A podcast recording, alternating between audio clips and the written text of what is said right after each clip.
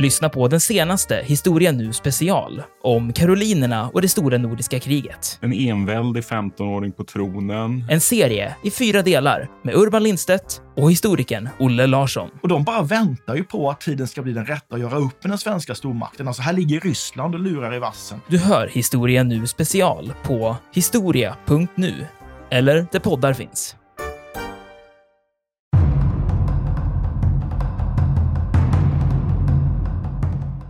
Man har jävligt dålig koll på vad som händer i Ryssland. Även från tysk sida och från allierad sida så vet man inte riktigt och det har liksom också präglat, präglat historieskrivningen efteråt tills då de ryska arkiven börjar öppnas upp. Man kan ju ta en jämförelse som jag hittat här som är ganska intressant. Eh, den utgår i och för sig från, från amerikansk eh, historieskrivning, men för varje amerikan som dog eh, under hela kriget Ja, så, så dog sex japaner. Det dog 11 tyskar och 92 sovjeter.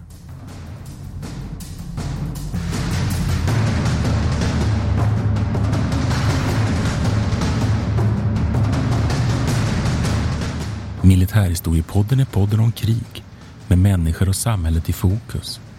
Programledare är Martin Hårdstedt, professor i historia vid Umeå universitet och Peter Bennesved, doktor i idéhistoria. Podden ges ut av förlaget Historiska Media. Stöd gärna MH-podden via vårt swishnummer 123 610 76 68.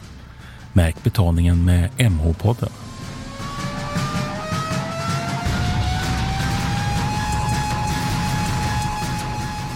Eh, välkomna till Militärhistoria-podden. Jag heter Martin Hårdstedt. Ja, det här är Peter Bennesved. Idag ska vi prata om Barbarossa och egentligen Barbarossas upptakt. Så att tidsramarna idag är från då anfallet 22 juni fram till 5 december 1941. Och vi kan väl börja med att säga att, att åtminstone du Peter har haft en del ångest inför det här avsnittet. Ja. Kul att du tar upp det Martin. Nej, men jag känner jag, jag är rätt trött på Barbarossa. Jag känner att det är, liksom, det är så tjatigt. Och det, det är ju ingenting som jag har någon, eh, någon fog för rent vetenskapligt. Om man säger. Det finns ju massa intressanta saker med Barbarossa såklart. Men jag blir så jävla trött på liksom, det finns en slags ehm, eh, det, det, är konstigt att säga romantiserande, men det, är, det finns en slags nästan pornografisk lusta i Barbarossa som folk liksom hänger sig åt i väldigt stor utsträckning. Och jag tycker de här böckerna som man får läsa är ju mycket ett slags vältrande i det här våldet och dödandet och som hela tiden lyfts fram då som så väldigt avgörande. Att det är, en ny typ av krig eller utifrån då andra världskrigets horisont. Man säger att det är liksom en slags vändning och att ja, det är mycket mer eh, trupper som är involverade, mer civila döda och det, eh, och det är mycket fokus då på, de här, på alla, alla människors lidande hela tiden. Så jag vet, och jag, vet, jag, jag blir trött på det. Jag, jag kommer ihåg att jag läste eh, den här väldigt kända boken om av eh, en snubbe som heter Anthony. Mm, Beaver. Ja, jag orkar knappt så jag orkar säga hans namn. Men han, jag menar, han har ju skrivit, eh, han är ju en duktig författare. Men det blir så tjatigt. Alltså, jag blev nästan bränd efter jag läste Stalingrad. Jag kände så att nu, nu orkar jag inte med Barbarossa och mera. Just för att det är den här återupprepandet liksom, och, och det tjatigheten i det. Men då tycker jag att vi ska ta med lyssnarna på en, kan man säga, en, en terapi, en Barbarossa-terapi idag. Därför att vi kan ju inte komma ifrån Peter att Barbarossa är ju helt unikt och som, som du säger på ett så kusligt sätt fascinerande därför att det, det saknar motstycke i världshistorien. Så stora truppmassor, så gigantiska landområden, så stora ambitioner, sådana ideologiska idéer som brutalitet mot civilbefolkningen och vi kommer inte ifrån att det är ju här som, som egentligen andra världskriget ju avgörs. Därför att hur man än vänder och vrider på det. Så visst, Storbritannien, USA hade stora resurser. Men frågan är, det kan vi ju inte ta reda på, självklart. Men frågan är om, om det hade lett till att Hitlertyskland verkligen hade besegrats i slutet. Ja men precis, och det är det som är, och det är väl också en del av det här tror jag, att, att anledningen till att Barbarossa har blivit en så stor grej inom historiografin är också att det är ganska sent tillkommet. Utan det har varit en ganska lång period under kalla kriget då historieskrivarna har varit ganska inriktat på att det är den amerikanska och brittiska insatserna som var avgörande. Och det är liksom landstigning i Normandie och hela den här grejen som har, och bombningarna och allt det här som var det som avgjorde kriget.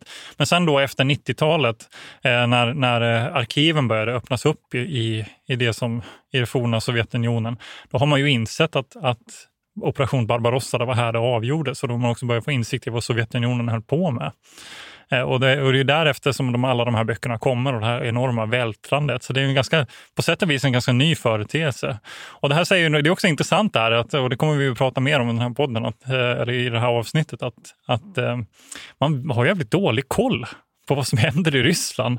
Även från tysk sida och från allierad sida så vet man inte riktigt. Och det har liksom också präglats präglat historieskrivningen efteråt tills då de ryska arkiven börjar öppnas upp. Man har egentligen ingen aning om vad som, vad som har skett. Ja, men jag kan väl i princip hålla med om det du säger att man har väl haft en, en väldigt tyngdvikt på förklaringarna i Tysklands nederlag, att man utvästerländskt ett västerländskt anglosaxiskt perspektiv. Vi är ofta drabbade av att det är engelskspråkig litteratur vi läser så har man ofta tolkat det som att, som du säger landsting om den andra fronten, du nämnde Bob-offensiv, det håller jag med om. Men jag vill nog ändå säga att det tidigare i utforskningen har funnits insikten om att det är naturligtvis det här som, som Hitler-Tyskland dränerar. Så att jag är lite nyanserad, men jag håller med om, men det jag framförallt håller med dig om och som jag ju tycker kommer fram nu här i våra diskussioner, vi kommer naturligtvis att ta upp frågan om varför, varför misslyckas det här tyska anfallet? Och det kan vi säga direkt att de förluster som ju Sovjetarmén har initialt för, fram till november 1941, vilken stat, vilken nation som helst hade ju gett upp. Men det gör inte Sovjet. Och då kan man ställa sig frågan varför, varför, det, varför, varför överlever man? Varför, och där har vi det här med underrättelsen, att man ju i Tyskland då, i dåtid, hade så faktiskt dåliga insikter i hur enorma resurser Sovjet hade när det gäller inte minst manskap. Ja, man kan ju ta en jämförelse som jag hittat där som är ganska intressant. Eh, den utgår i och för sig från, från amerikansk eh, historieskrivning, men för varje amerikan som dog eh, under, under andra världskriget, ja. ja. Ja, så, så dog sex japaner. Det dog elva tyskar och 92 sovjeter. Mm. Och det, det, det, säger ju någonting om vad vi nu pratar om, att det här är ju en, en diktatur. Sovjetbolsjevistiska kommunistiska diktaturen som ju är beredd att ta vilka förluster som helst. Jag tycker också att det är spännande, en sak som är spännande när man pratar om Barbarossa, det är många författare som har svårt med det här, man blandar ju ofta att man ser det som, man använder benämningen ryssen, ryssarna, Ryssland. Och egentligen borde man prata om Sovjet, sovjeter och så vidare. Men Samtidigt så finns det någonting som är riktigt i det där med, med att använda benämningen Ryssland därför att det är ju jätteintressant att man från sovjetisk sida ju faktiskt använder sig av de gamla historiska fenomenen eller händelserna då ju moder Ryssland ju är hotat och då pratar vi om till och med Karl XII faktiskt på 1700-talet, men framförallt Napoleon och inte minst första världskriget. Och att man appellerar till den där historiska kunskapen och erfarenheten av att titta, ingen har faktiskt kunnat, kunnat eh, besegra oss. Och nu står, står vi upp igen. Precis, ja, det är lustigt också att den här, den, här, den här världens största offensiv egentligen slutar med liksom, ja, precis på samma vis. Att man har ungefär samma problem som man brottas med under 16, 17 och 1800-talet.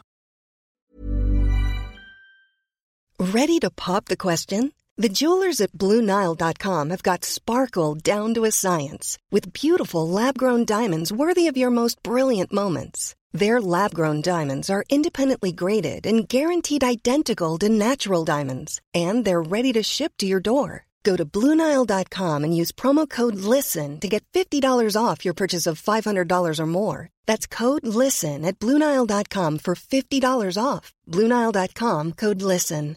Ryan Reynolds here from Mint Mobile. With the price of just about everything going up during inflation, we thought we'd bring our prices down. So to help us, we brought in a reverse auctioneer, which is apparently a thing. Mint Mobile unlimited premium wireless. Ready to get 30, 30, bit to get 30, bit to get 20, 20, 20, bit to get 20, 20, bit to get 15, 15, 15, 15 just 15 bucks a month. So, Give it a try at mintmobile.com/switch. slash $45 up front for 3 months plus taxes and fees. Promo rate for new customers for limited time. Unlimited more than 40 gigabytes per month slows. Full terms at mintmobile.com. Quality sleep is essential. That's why the Sleep Number Smart Bed is designed for your ever-evolving sleep needs. Need a bed that's firmer or softer on either side? Helps you sleep at a comfortable temperature? Sleep Number Smart Beds let you individualize your comfort so you sleep better together. JD Power ranks Sleep Number number 1 in customer satisfaction with mattresses purchased in-store. And now, save 50% on the Sleep Number limited edition Smart Bed for a limited time. For JD Power 2023 award information, visit jdpower.com/awards. Only at a Sleep Number store or sleepnumber.com.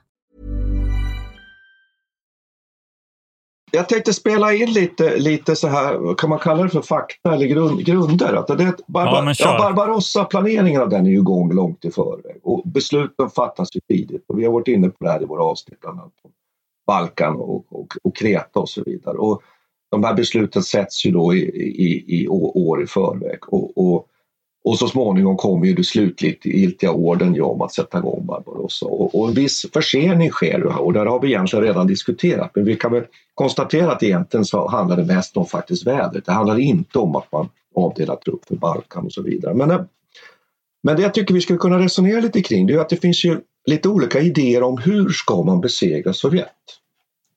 Och här finns det hos då Halder som, som är den som är ansvarig för planeringsverksamheten då i, i, i den tyska krigsmakten och Hitler och andra militärer olika, lite olika uppfattningar och det det slutar med är ju att man ju faktiskt anfaller på bred front med tre stycken egentligen tyngdpunktsområden. Ett i norr mot Leningrad, ett i mitten naturligtvis, den centrala fronten mot, mot, mot Moskva. Men också en tyngdpunkt i söder, mer mot Ukraina, Kiev, kanske till och med så småningom bort mot, mot Krim. Och det här kan man ju då fundera lite på, var, var det här äh, klokt? Och att det fanns ju hos bland annat Halder menade ju att man snarare skulle lägga tyngdpunkten mer i mitten, mer mot Leningrad. Och här kommer vi in på en principiell fråga. Vad är det tyskarna är ute efter? Är det att inringa, döda, förstöra så många äh, sovjetiska militära förband som möjligt? Två, är det att ta så mycket landområden som möjligt för att liksom lägga under sig befolkning, jordbruksområden, resurser, industri? Eller är det att ta symboliska symboler för Sovjetmakten, tre då, Leningrad, Moskva. Och Leningrad kan vi ju bara nämna, det är ju dagens Sankt Petersburg och Kiev. Eh, så det här tycker jag är en intressant eh, diskussion att börja med. Ja, precis. Alltså frågan om varför. Vad ska de ha med... med alltså, vad är syftet egentligen med Barbarossa? Vad är, liksom, vad är poängen med att ge sig in här? Det är inte så att det är okänt för Hitler att det här är en svår nöt att knäcka. Och det finns ju lite olika skäl. Och det, är, det är precis samma sak här. Det, det finns ju hur många som helst olika varianter hur man ska förklara den här strävan mot öst. Men en, en som är väldigt framträdande och som jag, som jag tycker är intressant och som, som är rotad i första världskrigets erfarenheter, också så, så mycket av det här är, är ju att man behöver eh, göra sig självständig ekonomiskt och framförallt vad det gäller livsmedel och råvaror. Och där har ju Tyskland ett problem då. Att, och det har ju insikterna då från första världskriget var ju att man blev helt enkelt utsvält av den här allierade blockaden. Och den här, en liknande blockad sätts ju igång nu under andra världskriget också. Men då löser man ju det här med eh, Molotov-Ribbentrop-pakten som från och med 1940 så blir det också en ekonomisk pakt och man förväntar sig då att Sovjetunionen ska skicka eh, väldigt mycket spannmål och olja egentligen till Tyskland för att understödja deras eh, försörjning. Och det gör de också. De är i utbyte då mot tyska vapen, tysk teknik. Men problemet är då att man, ja, man inser ju att Stalin är väldigt oförutsägbar. Man får inte alltid de leveranserna man räknar med och man vet inte hur länge det här kan hålla på. För det är ju helt uppenbart för alla att de här Stalin och Hitler har ju två helt olika ideologiska utgångspunkter och det kommer de aldrig kunna, liksom, kommer aldrig kunna förenas i det här under en längre tid. Så ett sätt för, för, för Hitler då det är ju att göra, att göra Tyskland självständigt genom att då röra sig. Framförallt är det den här södra punkten Ja. om mot Ukraina som du Ja, nämnde. det är det. Och För det här- oljefält ja. och sånt som man är ute efter. Exakt, Ja. för där finns, där finns Europas kornbord och där finns oljefälten. Och det är ju det man vill komma åt. Och det finns det en, en, en slags logik här då att man tänker att man ska ta de här områdena, man ska svälta ut befolkningen eh, och man ska germanisera den genom att då kolonisera den med tyskar igen så att, och, så att de ska kunna odla den här marken och så här, skicka in det i Tyskland. Och på det viset kan man undvika den här svältsituationen som uppstår under första världskriget. Det är ju oerhört eh, Ja. blodigt. Om man, ja, om man, om man kan väl, jag vet inte, ska jag ta det här om hungerplanen? Ja, det tycker eller ska jag. vi vänta? Nej, det tycker jag. Ja, nej, men, ja, men för, för det är ju det här som är så eh, vidrigt också. Att i den, det finns alltså ett gäng agronomer då i, i, eh, Tyskland. Den ena heter Walter Daré som är lite äldre, som är då, han är minister i, i den tyska statsapparaten. Och så finns det en annan person som heter Herbert Backe. Och de här håller på att utveckla då olika idéer om hur man ska göra det här. Liksom, det är som en slags eh, ekonomiska översikter hur man ska klara att försörja Tyskland. Och, och de skriver då uttryckligen att man måste svälta ut den här ryska befolkningen, slaverna, alltså det slaviska folkslaget, så säga, att de måste svälta ut dem, för de är såna useless eaters, som man säger på, på engelska. Ja, mindervärdiga, mä, mindervärdiga ja. människor helt enkelt. Precis, de är mindervärdiga mm. människor och det enda sättet är, och det, det bästa sättet är liksom att svälta ut dem helt enkelt. För att då, och så delar man upp det här eh, området då, runt, runt Svarta havet och Ukraina i två olika zoner. En, en, en eh, så att säga, vad kan man kalla det, eh, Eh, en zon som eh, ska säga, det underskottet, det tyska underskottet ska täcka upp. Och sen har man ytterligare en zon lite längre bort som en slags överskottszon eh, då, där man tänker sig att det som kommer därifrån ska man då kunna sälja vidare. Och här ska man bara då rusa in med den tyska eh, makt, krigsmakten. Och man ska helt enkelt bara skövla, man ska eh, kasta ut folk, man ska skjuta, man ska döda, svälta och man ska isolera städer för man tänker sig att de här städerna är ändå inte värdiga att leva. Eh, och de människorna som bor där får bara, får bara dö av sig själva. Och det här är alltså civila personer, agronomer som har studerat på, på tyska universitet som egentligen inte är några särskilda Eh, det är inte några soldater i den meningen som man tänker sig, eller något, utan de, bara, eh, de är liksom uppfyllda av den här ideologiska manin, celotismen, och sitter och planerar det här. Och de slåss lite grann om Hitlers gunst då, och mycket av den här, eh, de här idéerna går igenom då i planen för Operation Barbarossa. Och det är oerhört tragiskt. Alltså, de planerar helt uttryckligen då att ungefär 20 till 30 miljoner civila ska dö som en konsekvens av den här mm. hungerplanen mm. som den kallas. Jo, och, och då kan jag väl lägga till också här att även tyska arméns nu då underhåll är ju tänkt att faktiskt just använda området och att man räknar precis som du säger med att ja, men det kommer innebära då att befolkningen i de här områdena kommer att svälta. Jag tycker att vi skulle kunna fortsätta på den här tråden och säga att det här är också en sak som utmärker Barbarossa och kriget i öster. Också denna enorma brutalitet från framförallt då tysk sida mot en civilbefolkning. Och det kan man ju fundera förnuftet i. Därför att hade man istället kommit som, som, som befriare så att säga från bolsjevismen så hade man nog säkert sluppit en del partisanverksamhet och man hade kanske också fått resurser i folk av människor som hade varit beredda att understödja den här krigsansträngningen mot, mot då Sovjet och bolsjevismen. Så där kan man fråga sig hur förnuftigt det var, men det har ju att göra med som du säger de här ideologiska idéerna. Sen tycker jag att en annan sak här som är, du, du nämner ju detta att Hitler har en ideologi och det finns en del forskare som ju menar att Ja, okej, okay. vi, vi, känner till Hitlers eh, judefobi. Vi känner också till hans antikommunism, men en del menar att den här antikommunismen och antibolsjevismen inte självklart så att säga en sådär lite religiös fråga för, har inte karaktären av nästan religiös övertygelse som ju så att säga hans judefobi och antisemitism har, utan den mer är också liksom en, en nästan sån där politisk, retorisk, taktisk fråga. För han, Hitler vet att använder han antibolsjevismen, antikommunismen, då kan han få med sig bred uppslutning bland det tyska folket på politiska högersidan och han kan få naturligtvis också få med sig faktiskt till och med Västeuropa. Därför att han är så naiv så han tror ju liksom på något sätt, så menar ju tyskarna att vi gör ju en insats för hela västcivilisationen genom att vi utrotar bolsjevismen. Så jag tycker att det här är en sak som man kan ha med här också. Att, att eh, man spelar ju ofta in det här att det är den här kampen mot bolsjevismen men man kan också se den som, som, som ett sätt att motivera det du har varit inne på att lägga under sig området. Och så vill jag också spela in ytterligare en sak. Här. Du pratar om, om Kornboden men det är också industricentrum. här har man ett problem då. Då behöver man ta Leningrad och Moskvaområdena. För där finns ju stor, stor utsträckning industri. Och då blir problemet att hur ska man splittra nu det här anfallet? Ska man ta alla de här? Söderut, Kolboden, mera centralt och norrut få de här industricentra. Hur ska man göra? Och det, det, det, landar ju i att man ju i stor utsträckning då anfaller på alla tre håll. Här. Kan man också tillägga det här med att på tidsrymden här? Ja. Jag tänker att det också är viktigt i sammanhanget, utan man, man tänker sig att det här är typ en sommaroffensiv. Ja, man delar inte ut någon, ja, man delar inte ut någon ja, man ska bara rulla. Ja, det var det jag skulle säga bara. Man vägrar dela ja. ut vinterutrustning. Därför att det skulle liksom visa att man vet att vi kommer inte bli klara för vintern. Att, om, man, om man är helt övertygad om att man ska kunna, leva på landet, ja. alltså leva, eller leva av ja. landet som, som, som finns här. Om man väntar tills det blir liksom och, bättre väder. Och sen, sen, tycker jag också det är viktigt att ta upp att man tänker sig att använda sig liksom av blixtkrigets operativa idé, eller blixtkrigets operativa taktiska omsättning så att säga. Detta med, som vi har varit inne på när det gäller fältåket i väst.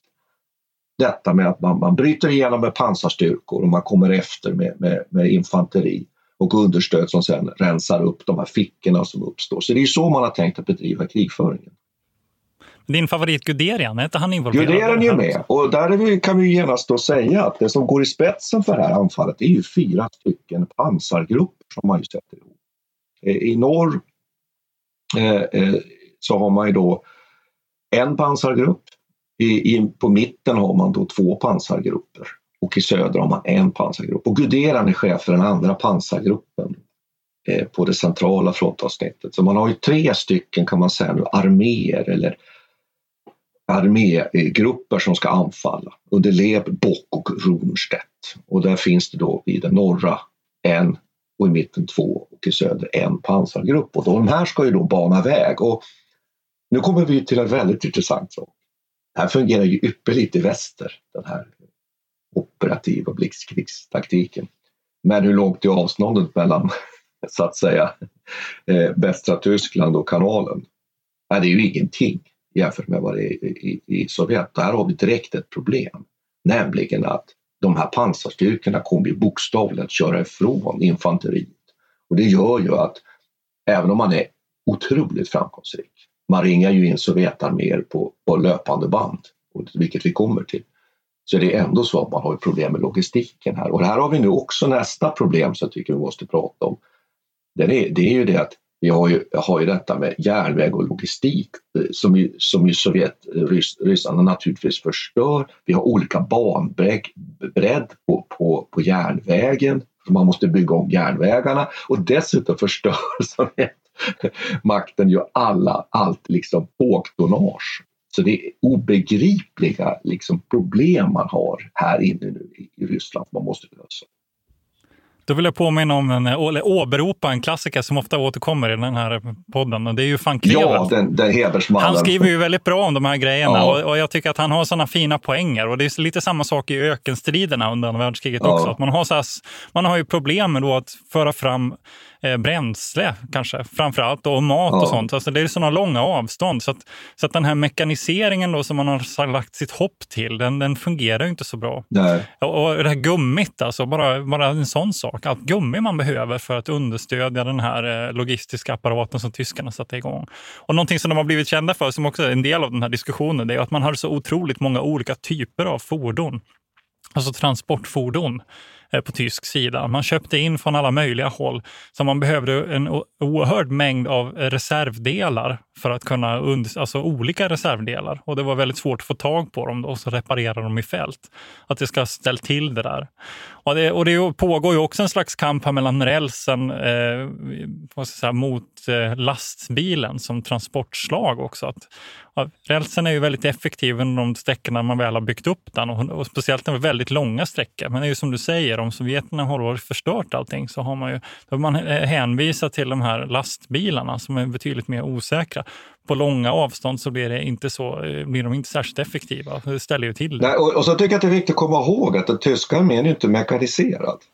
Man har sina pansardivisioner, man har nio pansardivisioner centralt, tre i norr, fem i söder och sen har man ett antal mekaniserade eh, divisioner som ska följa direkt med och utgöra så att säga, infanteriunderstöd. Men sen kommer ju infanteriet till fot som är häst och vagn om jag uttrycker mig så. Ja, 600 000 hästar. Ja, så, ja, så är det. Och, och, så att denna enorma då armé som vi räknar flera biljoner man som sätts in. Då. Det är lite beroende på om man räknar så har vi 2-2,5 miljoner tyskar. Det, det är det största som, som Wehrmacht, Ryssland någonsin rustar i något, något krig, sannolikt i något krig överhuvudtaget även i framtiden. Jag hoppas på det i alla fall.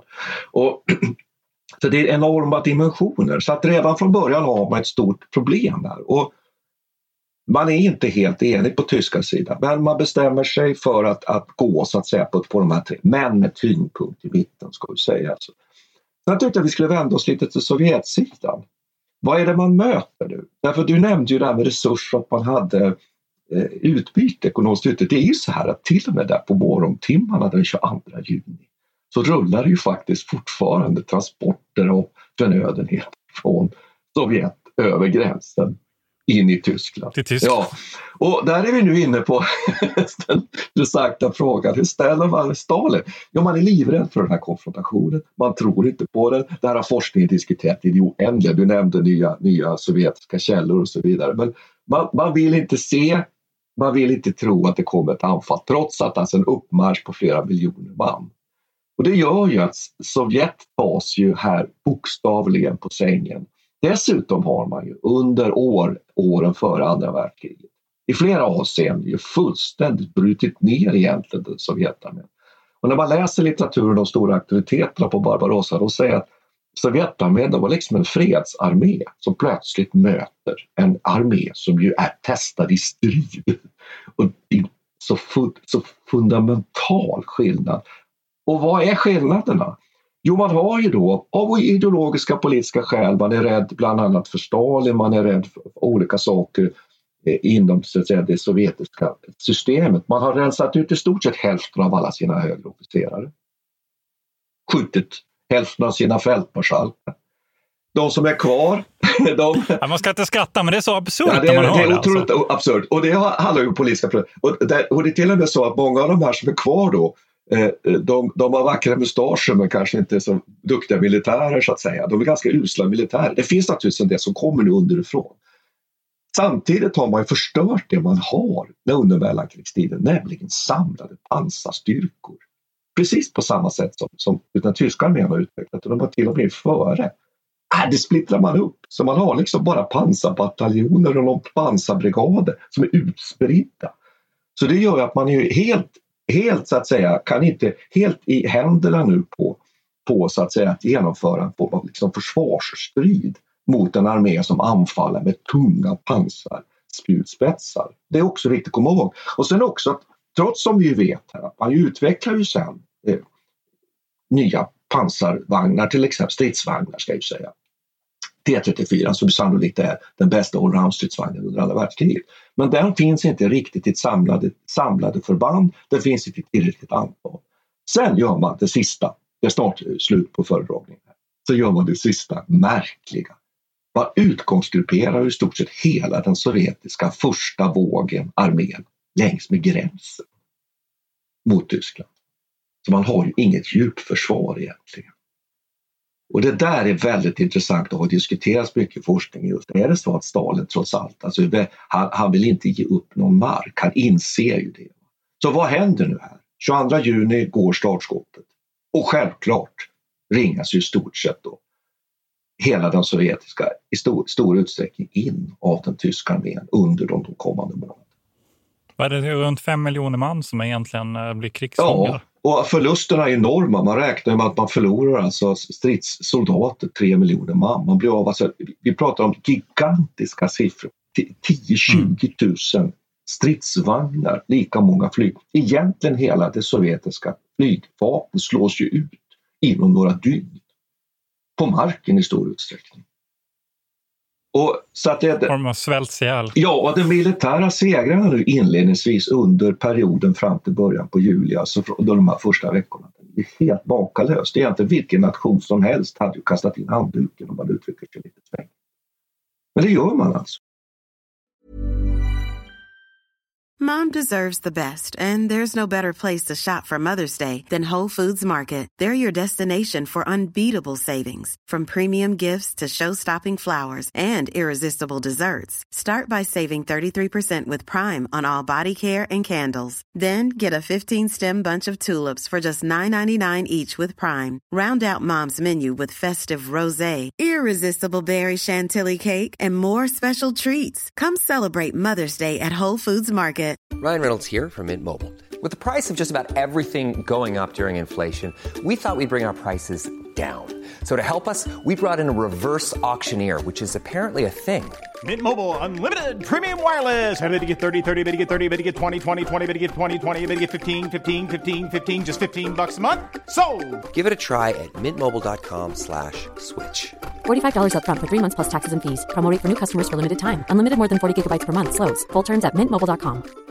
Mom deserves the best, and there's no better place to shop for Mother's Day than Whole Foods Market. They're your destination for unbeatable savings, from premium gifts to show-stopping flowers and irresistible desserts. Start by saving 33% with Prime on all body care and candles. Then get a 15-stem bunch of tulips for just $9.99 each with Prime. Round out Mom's menu with festive rosé, irresistible berry chantilly cake, and more special treats. Come celebrate Mother's Day at Whole Foods Market.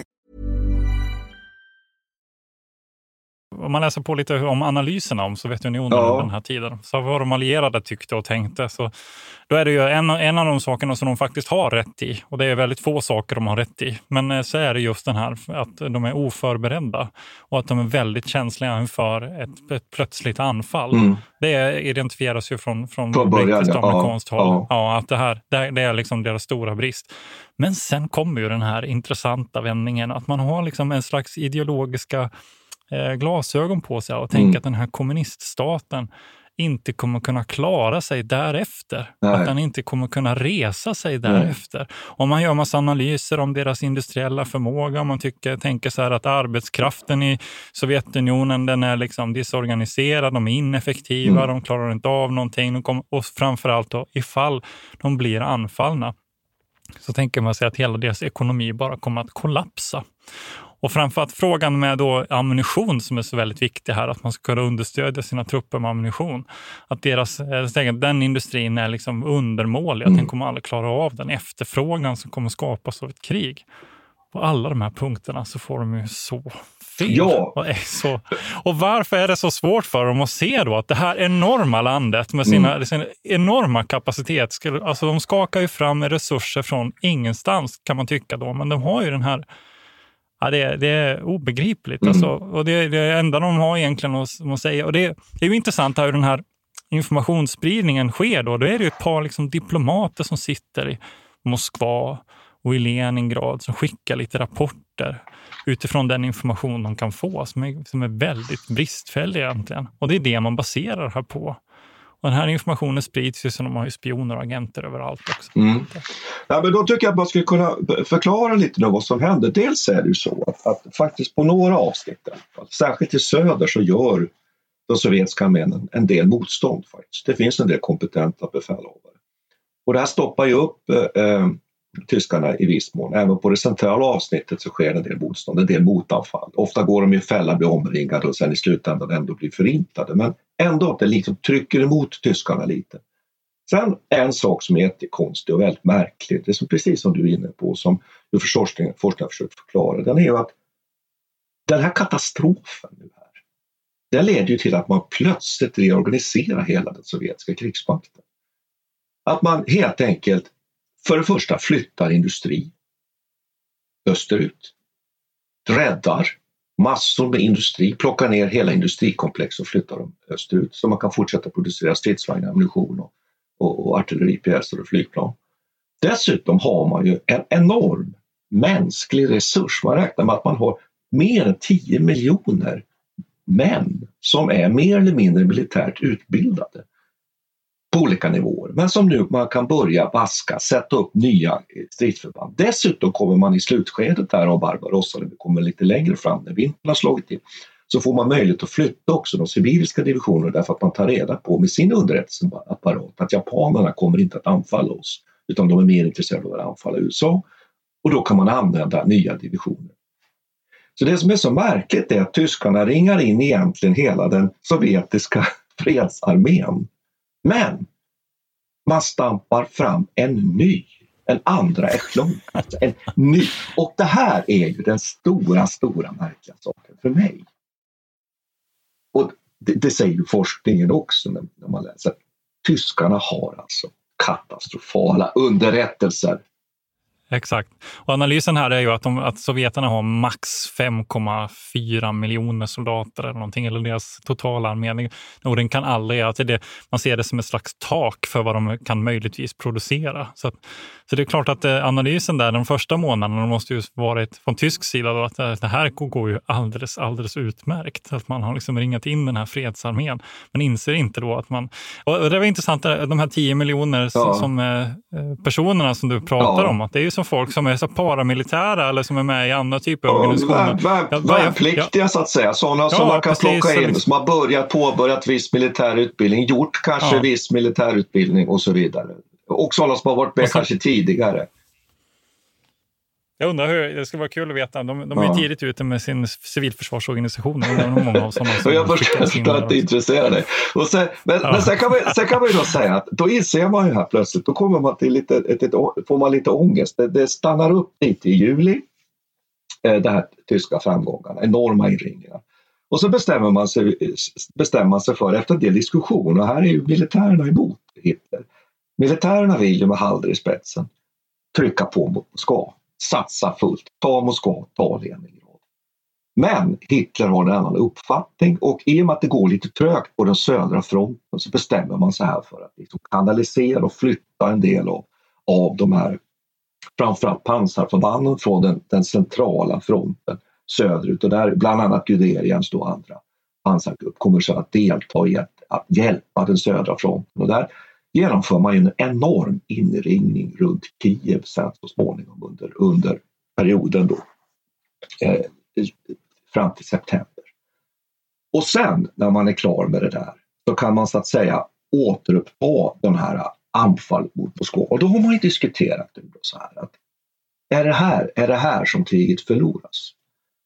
Och då finns det två olika åsikter. Va? Den ena åsikten, det ena säger så här, nej här tillintetgjorde man, inte minst genom den här inringningen in, kring Kiev, så stora sovjetiska truppmassor att det snarare var så att under oktober så var den Sovjetarmén så försvagad. Samt också att man också blev av med ett problem, nämligen att om man gick rakt på Moskva direkt utan att knäcka de här trupperna så att säga, som fanns på, på, på, på högra flanken här, du sett ur ett centralt eh, perspektiv. de hade ju kunnat anfalla i, i flanken på och de här tyska pansarkilarna mot Moskva. De gör man sig av med.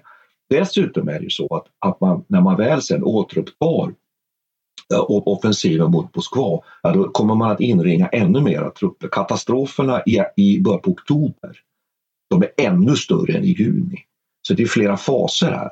Så att fram till egentligen det som, som jag tycker är ännu viktigare, fram till det att leran kom, Den ryska leran kom så kan man säga att man egentligen agerar rätt från tysk sida. Och att det här pausen och inringningen vid Kiev var egentligen på många sätt nog klokt. Och det gjorde ju också att man kunde lägga under sig Ukraina som vi har varit inne på. Här. Sen i norr dessutom får man ju hjälp och man inringar ju Leningrad. Sen har man en sorts idé om att man ska inte ta Leningrad. Hitler säger till och med att vi har ingen användning för den staden i vårt framtida öst, öst våra eh, framtida östprovinser utan då vill man ju egentligen bomba med artilleri och flyg och det vet inte jag om det är ett sätt att liksom slippa ta staden men hur som helst tas ju aldrig Leningrad och det är ju kvar till och med en liten landstrimma där vid Ladoga. Och det kan vi ju nämna här också, vilket jag tycker är viktigt, att finska armén deltar ju i anfallet Barbarossa och det ska vi återkomma till i ett speciellt avsnitt om, om fortsättningskriget. Men, men Leningrad blir kvar och sen återupptar. Men det som ju gör i oktober är Sovjetarmén så försvagad genom inringningarna vid Kiev och ytterligare inringningar öster om Smolensk mellan så att säga Moskva och Smolensk i öster. Att där hade man där kunnat fortsätta rakt fram i oktober. Då hade det antagligen varit slut. Men då är det inte det för då kommer leran och sätter stopp på den tyska offensiven och det tycker jag är så fascinerande. Och då får då Sovjet möjlighet att flytta in, flytta in de här nya trupperna. Och då skulle jag säga en sak som jag tycker är så nästan tragikomiskt. Tyskarna tror ju att de möter de här trupperna som de ringar in nu här. Det tror de är sånt som har kommit undan de här stora inringningarna tidigare. Men det är det inte, det är ju nya förband. Det är, ganska, ja, det är helt otroligt och det är just att den här tyska underrättelsen är så dålig. Att man förstår inte att, man förstår inte att framför sig nu kring Moskva så samlar sig nya divisioner från Sibirien som vi har nämnt och som man stampar fram. Man fullständigt piskar fram nya. Okej, okay, de är svaga, de är dåligt utrustade, de har lite artilleri, de har lite pansar, men det är ändå militära förband. Och tar man då till detta då att när man sen bestämmer sig för slutanfallet, det som ju kallar, brukar kallas för operation Typhoon eller tyfon, och den inleds ju då på riktigt all, all, allvar då i november. Det slutanfallet, slutfasen i, i tyfon, den, den sätts ju in i slutet på oktober hela den så att säga, angreppsplanen. Och då ska man med två pansarkilar så att säga, omfatta Moskva då, från norr och från söder. Och slutfasen i tyfon då, från mitten 15 november och framåt. Där kör man så småningom fast. Dels därför att motståndet blir för stort, men också därför att då kommer den ryska vintern. Och de tyska pansartrupperna förlamas av vintern och sen kör alltihopa fram fast då den 5 december. Och då finns det de som menar att det finns tyska förband som till och med är inne i Moskvas eh, eh, förorter. Ja. Och här. Ja, det är, då, då är då, det är där det tar slut. Där tar, alltså, där tar det, det slut så att säga. Ja. Och där är alla de här goda förutsättningarna som man har tänkt sig, där stannar ju de. Liksom. Nu, nu, nu, behöver vi pälsrockar och nu behöver vi smörjmedel ja. som klarar kylan och nu ja. behöver vi en logistisk apparat som, ska, som kan understödja alla de här trupperna som är fast och som ska övervintra. Och det finns inte. Hermann Göring har ju spelat en intressant roll här. att Han, liksom, han, han var utlovade en massa Fokkerplan som ska kunna då dumpa eh, liksom resurser i de här områdena. Men det finns ju inte heller. Liksom, tyska flyg, eh, Luftwaffe är också eftersatt. Och det är, ingenting fungerar här efter egentligen. Det, och, ja, det ju... det, och, det, och sen är det mm. fascinerande också att, att, att, att hade man, Sovjet kan ju också sen, och det, det, kan vi återkomma tycker jag, för det är egentligen en del av, av fortsättning på Barbarossa. Men här kan också Sovjet börja med en, med en så att säga, vintermotoffensiv och det hade man aldrig kunnat göra om man inte hade kunnat lösgöra de här förbanden från, från, från de östra delarna av landet därför att man vet att Japan inte ska. Men man hade ändå kunnat försvara sig. Och här plötsligt nu så står de här tyska pansardivisionerna så kommer infanteriet så småningom ikapp dem och man måste helt enkelt gräva ner sig och man träffas av den här sovjetiska motanfallen också liksom innan man egentligen hunnit gräva ner sig och förbereda ett riktigt bra djup, djupförsvar. Så att egentligen är det ju på många sätt väldigt negativt. Och jag tycker att det är jättespännande. Hade man kunnat flyta nu här på Lervällingen, om man uttrycker det så, i oktober. Då hade man kunnat fått så att säga, skörda alla de här inrivningsserierna. Men det kan man inte, man måste vänta tills det, kylan kommer så att man kan anfalla. Men kylan gör så småningom också att anfallet stoppar upp. Och sen har vi då de sovjetiska förstärkningarna. Så här tycker jag någonstans att vi har förklaringarna. Sen tycker jag att vi måste in på, på en sak och prata om en sak ännu mer. Just den, den här eh, brutaliteten nu i de här områdena. Vi har ju talat liksom redan om detta och det, jag tycker det är viktigt också att komma ihåg att Hitler utfärdade till och med en order man skjuter ju alla i den sovjetiska armén som, som har någonting att göra med, med kommunistpartiet. Alltså politrukerna. Och det tycker jag man kan lägga till här också att i den sovjetiska armén hade man ju dubbelt ledarskap. Vilket ju ställde till det hela tiden militärt. Man hade alltså en officer, militärledare och sen hade man samtidigt en, en kommissarie som var partitrogen. Så att det återinför man faktiskt i den sovjetiska armén efter de här katastroferna. Och det är ju sannolikt därför att man vill ha kontroll. Vi ska också komma ihåg att man har ju NKVD trupper som ligger bakom hela tiden den sovjetiska linjen och helt enkelt skjuter de som retirerar som fanflyktingar, de som, som, som deserterar. Så att det är ett otroligt brutalt system och man är, man är beredd att ta enorma förluster för att stoppa upp den här tyska. Men, men, men vi... Och det är starten också, hela den här tyska offensiven är starten på, ett, på, på judeutrotningar. Det är en helt, ny, en helt ny fas som man går in i.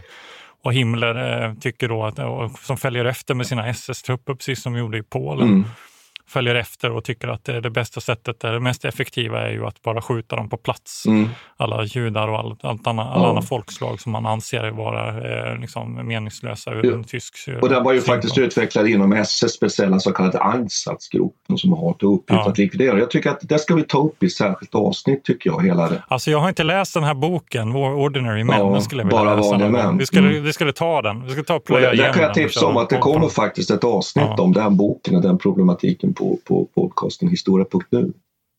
gör det just om okay. den problematiken. Men jag tycker att vi även här på Militärstora podden ska ta upp det där. Planning for your next trip? Elevate your travel style with Quince. Quince has all the jet-setting essentials you'll want for your next getaway. Like European linen, premium luggage options, buttery soft Italian leather bags and so much more. And it's all priced at 50 to 80% less than similar brands. Plus, Quince only works with factories that use safe and ethical manufacturing practices. Pack your bags with high-quality essentials you'll be wearing for vacations to come with Quince. Go to quince.com slash trip for free shipping and 365-day returns. Hi, I'm Daniel, founder of Pretty Litter. Did you know cats tend to hide symptoms of sickness and pain? I learned this the hard way after losing my cat, Gingy. So I created Pretty Litter, a health monitoring litter that helps detect early signs of illness by changing colors, saving you money and potentially your cat's life. Pretty Litter is veterinarian developed, and it's the easiest way to keep tabs on your fur baby's health right at home. Go to prettylitter.com and use code ACAST for 20% off your first order and a free cat toy. Terms and conditions apply. See site for details. Mom deserves the best, and there's no better place to shop for Mother's Day than Whole Foods Market. They're your destination for unbeatable savings, from premium gifts to show-stopping flowers and irresistible desserts. Start by saving 33% with Prime on all body care and candles. Then get a 15-stem bunch of tulips for just $9.99 each with Prime. Round out Mom's menu with festive rosé, irresistible berry chantilly cake, and more special treats. Come celebrate Mother's Day at Whole Foods Market. Men om man summerar nu här, och det, jag tycker jag ska lägga till en sak till också, att de här krigsfångarna som tas, de dör ju i stor utsträckning. Tar man tre miljoner krigsfångar så räknar man med att två miljoner dör i tysk fångenskap av de här svenska. Mm. Det, alltså, det tycker jag, det, det, går inte mer än att, jag kan inte komma med någon kommentar egentligen. Det behövs ingen kommentar. Nej, men man, precis. Nej, men man får komma ihåg att mellan, mellan eh, typ 1933 fram till 1945 så dör, liksom, dör ungefär 14 miljoner människor i det här området bara på grund av svält. Och de här två miljoner eh, ryska eller sovjetiska krigsfångarna är ju en del av dem. Så det är ju en del, alltså, ja, man pratar ju gärna om de här lägren, va? Eh, och koncentrationslägren av dem. Men, men, här har vi en, det är lika mycket som dör här. Alltså, och det är planerat, det är inte något slumpmässigt, det är inte dåliga väderförhållanden eller någon annan naturkatastrofer, utan det här är planerad taktik från tysk sida. Eh, och, och, även Stalins sida då innan kriget, alltså som, som gör att de här människorna stryker med i den utsträckning som gör.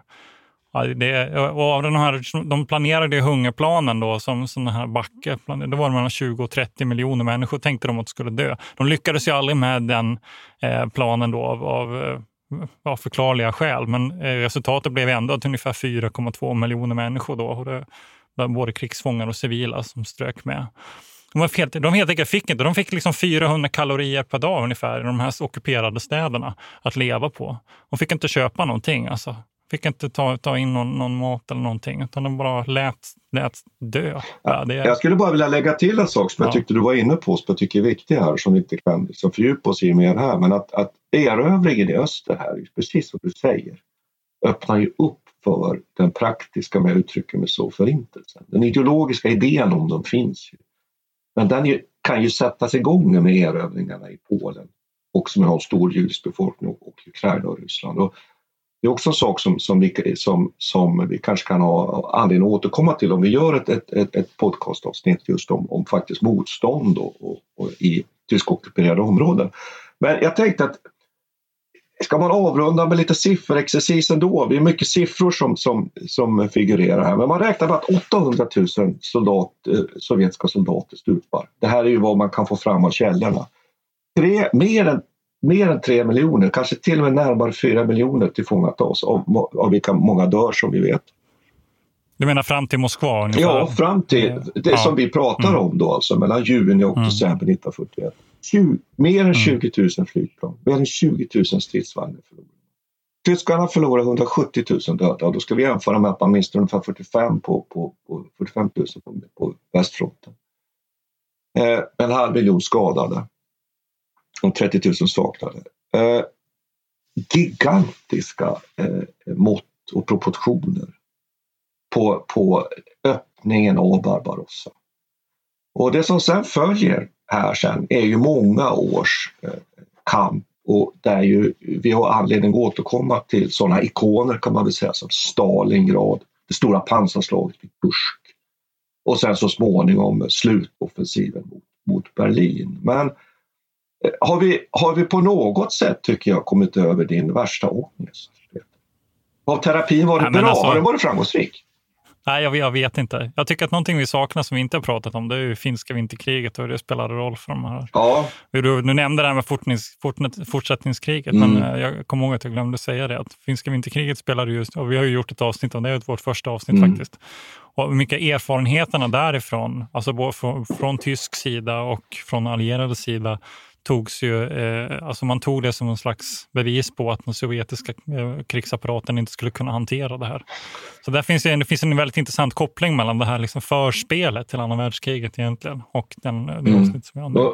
Men på tal om din fråga där, om jag har kommit över min terapi. Nej, men det har jag alltså, eller om det här liksom varit, på, något, på något vis kan kallas för terapi. Nej, det, det är det nog inte. Men det är klart att det är intressant. Va? Men, men man måste ju fråga sig också att Eh, ja, men det som är irriterande, om man ska bara komma till kärnan, det som är irriterande är ju alla de här what if-frågorna Ja, ja. som Mm. hela tiden dyker upp när man pratar om Barbarossa. Ja, men vad, vad skulle, om det hade varit, ja, men precis som du hade den här lilla sessionen om, ja, om du hade fryst till eller om Mm. de hade kunnat Mm. sväva Mm. på leran. Och, eh, att, eh, det är så mycket sådana frågor som spelar roll. Men när vi, och, och jag tänker mig att sånt där kan ju vara intressant att spekulera i när man har mindre slag och när det är mindre saker som, som spelar roll. Va? När det är mindre trupper eller, eh, eller vad det nu kan vara. Alltså, mindre händelser helt enkelt.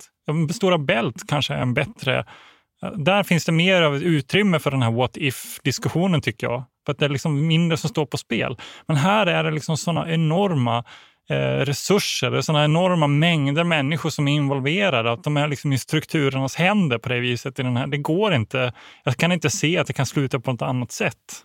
Ja, vi håller med Och dig. jag Ja. Jag håller ja. med om det och vi, vi är ju historiker av facket båda två och, och, och det är klart att egentligen ska man inte, precis som det som menar, jag är väl egentligen en av dem, att man ska inte egentligen fundera så mycket på de här sakerna, kontrafaktiska frågorna. Men det jag tycker att de är intressanta är att, ju att ställa sådana frågor för att sen kunna ta reda på och analysera bättre vad som verkligen hände.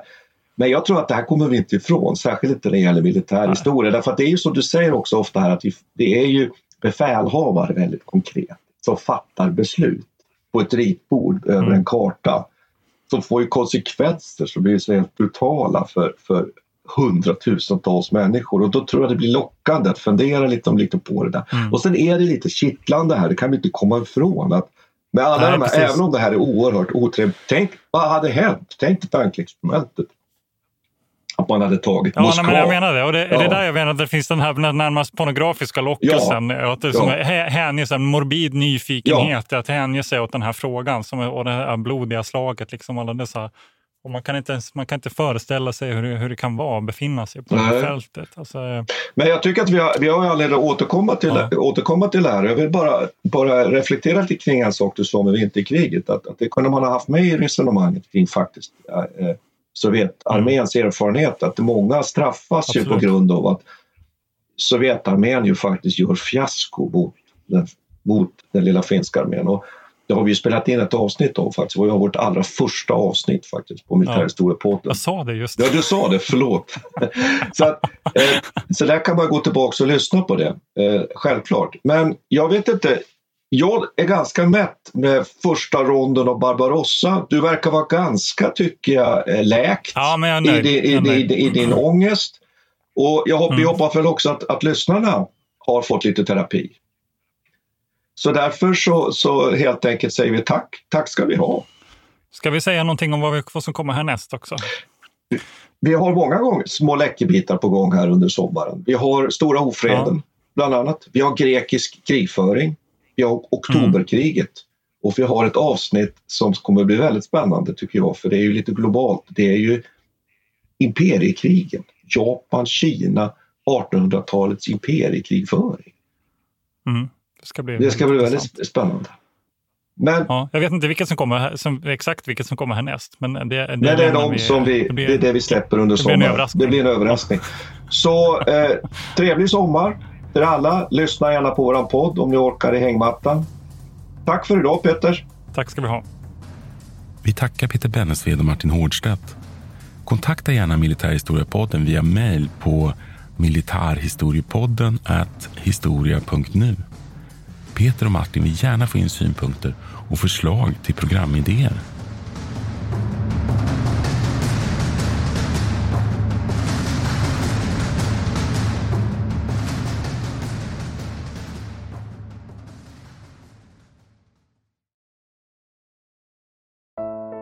Iran har under 1900-talet genomgått tre omvälvande revolutioner som orienterat landet antingen mot västerlandets modell eller mot en auktoritär styrelseform.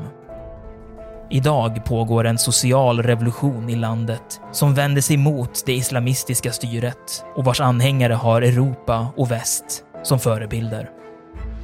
I en viktig bok ger idéhistorikern Mohammad Faslashemi en djupare förståelse för dagens dramatiska händelseutveckling. Iran mellan tre revolutioner är utgiven av förlaget Historiska Media. Beställ den fysiska boken på förlagets hemsida historiskamedia.se eller köp den i en bokhandel nära dig.